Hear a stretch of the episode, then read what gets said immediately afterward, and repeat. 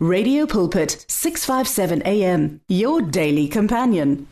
dumelang batheletši ba ba rategang ka leina la morena jesu. Leboa gape le dumediša ke wa lena ke mašadi wa ga mathosa. Re sa buile gape motheletši wa ka re tlo bolela ka botlhale bja modimo. Um ke kgopela gore pele re thomang ke re thomeng ka go rapela. Papa ka leina la morena jesu. Wena o lesedi ntate ya lokileng re ya go mema re re gona jwale lesedi la gago. E be lona le tlo re fang kwešišo godimo ga the topic that we are dealing with ya wisdom. Re kgopela botlhale ba gago modimo wa ka gobane ntle le jona re tlo timela. Re a kgopela ntate ya na le maatla otlhe godimo ga tsotlhe ka leina le le botse la morena jesu. Amen. Batheletši ba ka re sa tswela pele ka this topic. It's a very important topic for us. More especially in these last days re tlhoka botlhale bja modimo motheletši wa ka in order to make it in order to finish strong. So tšatšing la mamotlha motheletši wa ka ke buile gape go wena ka ditemana tše tšwang lentšung la modimo ene jwa ke ge re bentše re rapela re kgopela gore lesedi la modimo e be lona le tlo re thuša go kwešiša tšotlhe tše re swantšeng re di kwešiše. um re santsane re tswela pele ka um our chapter that we started with, that is Proverbs chapter 9. There's still so many things that we need to unpack. More Proverbs chapter 9. Bekeng e fetileng be re bolela ka verse 11 ya gona e tlhalosa gore you will live longer because of wisdom and years will be added to your life. And hape bolela gore ra, ra lebelela gape Psalm 112 verse 6 e bolela gore uh, the righteous will never be shaken they will be remembered forever. Re boletše ka a few examples ra lebelela le ka mosadi o la a ileng a tlotša maoto a morena jesu ka oli preparing his body for the burial. Gore you know her legacy is remembered forever. Morena jesu o boletše mantswe a gore wherever the gospel is preached throughout the world, what she has done will also be told in memory of her. Ra emphasize taba gore it does not matter how long you live mo lefatsheng motheletši wa ka. It's not a matter of years. Ke taba ya gore just discover your purpose and fulfill it in your generation bjale ka tafita before you fall asleep and see corruption. That is very, very important. Ra bolela ka kgoši Josia gore he was born and became king at the age of eight years. And before 40 years, he was asleep already, but he had impacted his generation. ka tsela e makatša mo e leng gore lentšu la modimo has got it in record gore there has never been a king like josiah before because josiah turned to the lord with all his heart with all his soul and with all his strength no king had followed all the law of Moses like Josiah, and there has never been another king like Josiah since that time. only lived for less than 40 years, but this is the kind of an impact that he made in the whole nation. So Mutele Chuaka, don't worry about living to be 80 years or to be 100 years, seeing your grandchildren and so on worry about whether you are on the right track, you know, towards fulfilling your purpose in your generation before you fall asleep. That is what we emphasized on bekeng e fetileng. So, re santsane re tswela pele motheletši wa ka, we are going to look at verse 12, you know, of Proverbs chapter 9. Re bolela ka botlhale bja modimo. Lentswe la modimo le re, if you are wise, your wisdom will help you. You know, you, we really need help in this short life that God has given us. Bible, if there is help that comes from the wisdom of God. If you are wise, your wisdom will help you. I don't know who is helping you in the life that you are living, Chelechuaka, where you are. So Sidirang, we spoke about discovering your purpose, you know, and fulfilling it in your generation. So as you discover your purpose and working towards fulfilling it, you need help. If you are you are wise, your wisdom will help you. The wisdom of God is there to help you to fulfill your purpose in your generation so that your life will not be a wasted life. Josiah never wasted his short life. He was wisely. He, he committed to doing God's work with all his heart, with all his mind, with all his strength. We saw how he went around tearing down the altars, you know, that were set up to worship foreign gods, how he restored the temple of the Lord, how he restored worship in the house of the Lord. They celebrated Passover for the first time after a long time. You know, Bible none of the kings of Israel or the kings of Judah ever had such a big celebration of Passover. Here they celebrated the, the Passover for the Lord in Jerusalem during Josiah's 18th year as king. In Jerusalem go sa tsibiwe Passover ya tla ya tsibiwa ka baka la Josiah. So motheletši wa ka wisdom ya modimo will help you in your journey towards fulfilling the purposes of God. So re boletse gore there is no way you can miss the wisdom of God. There is just no way. Mudimu has set up systems for each and every person to be able to discover the wisdom of God. Rebadile mo Proverbs chapter 9 verse 3. Linchula mudimu she calls from the highest places in the city saying whoever is gullible, whoever is easily deceived, turn in here.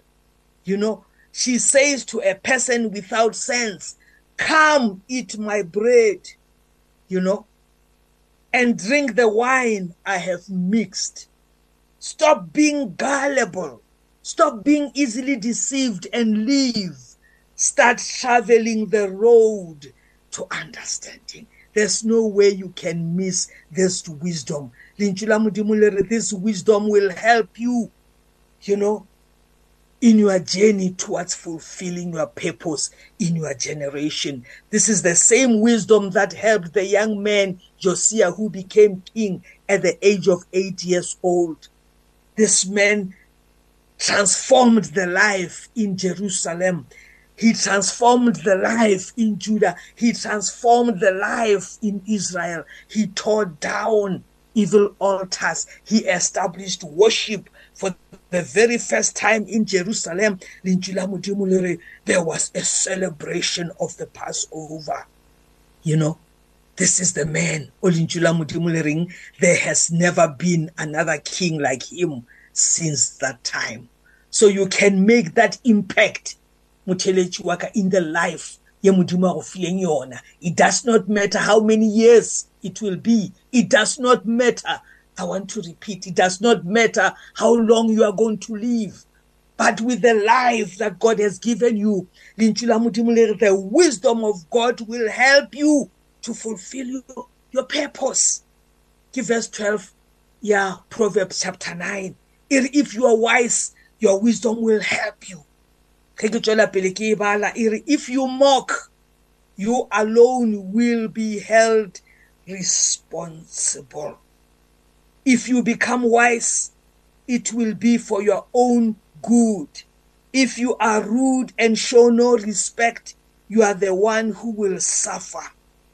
So lentšu la modimo le tla ka a warning. Remember the word of god is a double edged sword motheletši wa ka.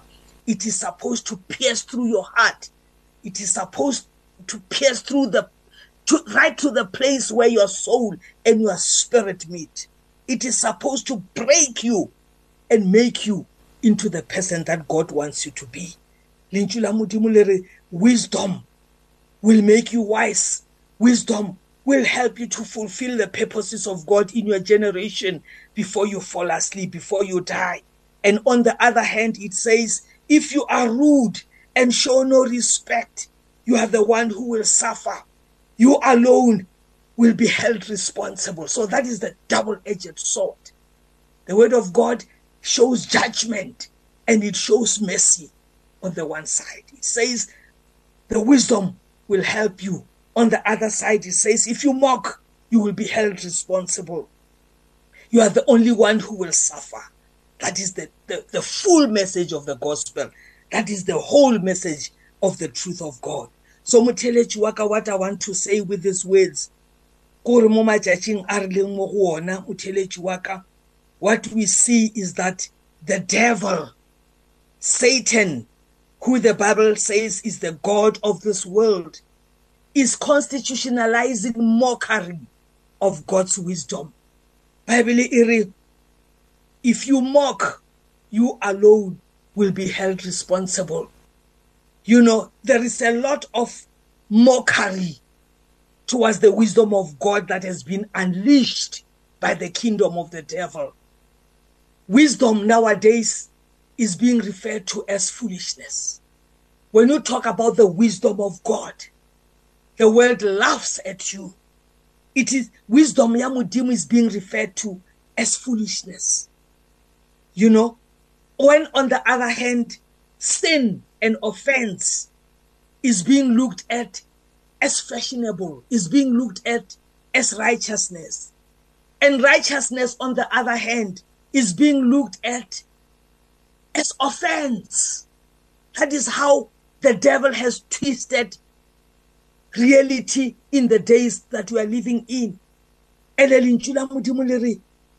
are more casts that have gone out. And we are being warned here in Proverbs chapter 9, verse 12, we should not be found amongst the mockers. If you mock, you alone will be held responsible. Satani mutheletši waka, I don't want to say it in many ways. He has constitutionalized mockery. There are so many things that are evil that are being betrayed as good. There are so many things that are unrighteous that are being protect, projected as being the good things. And they are being protect, protected in constitutions. They are being protected by international organizations. They are being protected by societies, you know, of different kinds. They are being proclaimed in social media, mockery against the wisdom of God. So we are being warned here in the word of God in Proverbs chapter 9, verse 12, that we should not be found amongst mockers, that we should not be found amongst the, that, that, that group of people who mock the wisdom of God. Bible iri mathomo a botlhale motheletši wa ka go tšhaba modimo decide today to be different from the world. O ikemišetše go tšhaba modimo. The popular culture nowadays is to mock the wisdom of god. Like i've said it has been constitutionalized. Mockery against the wisdom of god has been constitutionalized. It is being protected internationally. It is being protected in in platforms you know. And and mocking the wisdom of God is the popular culture. So you need to walk circumspectly. That is what the word of God is saying.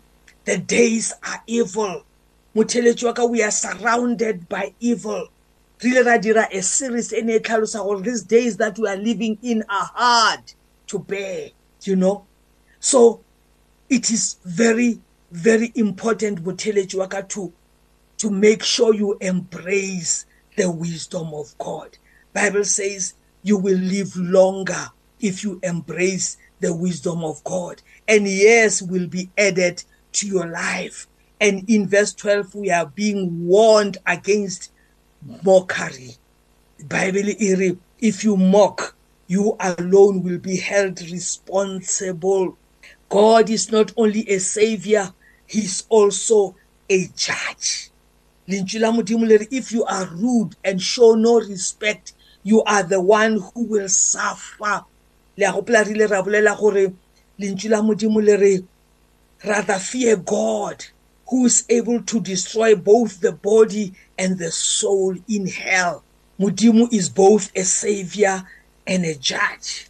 He's both a savior and a lawgiver. So we need to to walk in wisdom motheletši wa ka so that we don't form part of the group of people who are mocking the wisdom of God in these last days nako empheletše motheletši wa ka empa nna le lena re sa tlo kopana gape bekeng e tlang a modimo wa kgotso a le tlhogomelofatše The words of the Lord are words of life. Your heart is on 657 AM. 657 AM. Radio for believers in action.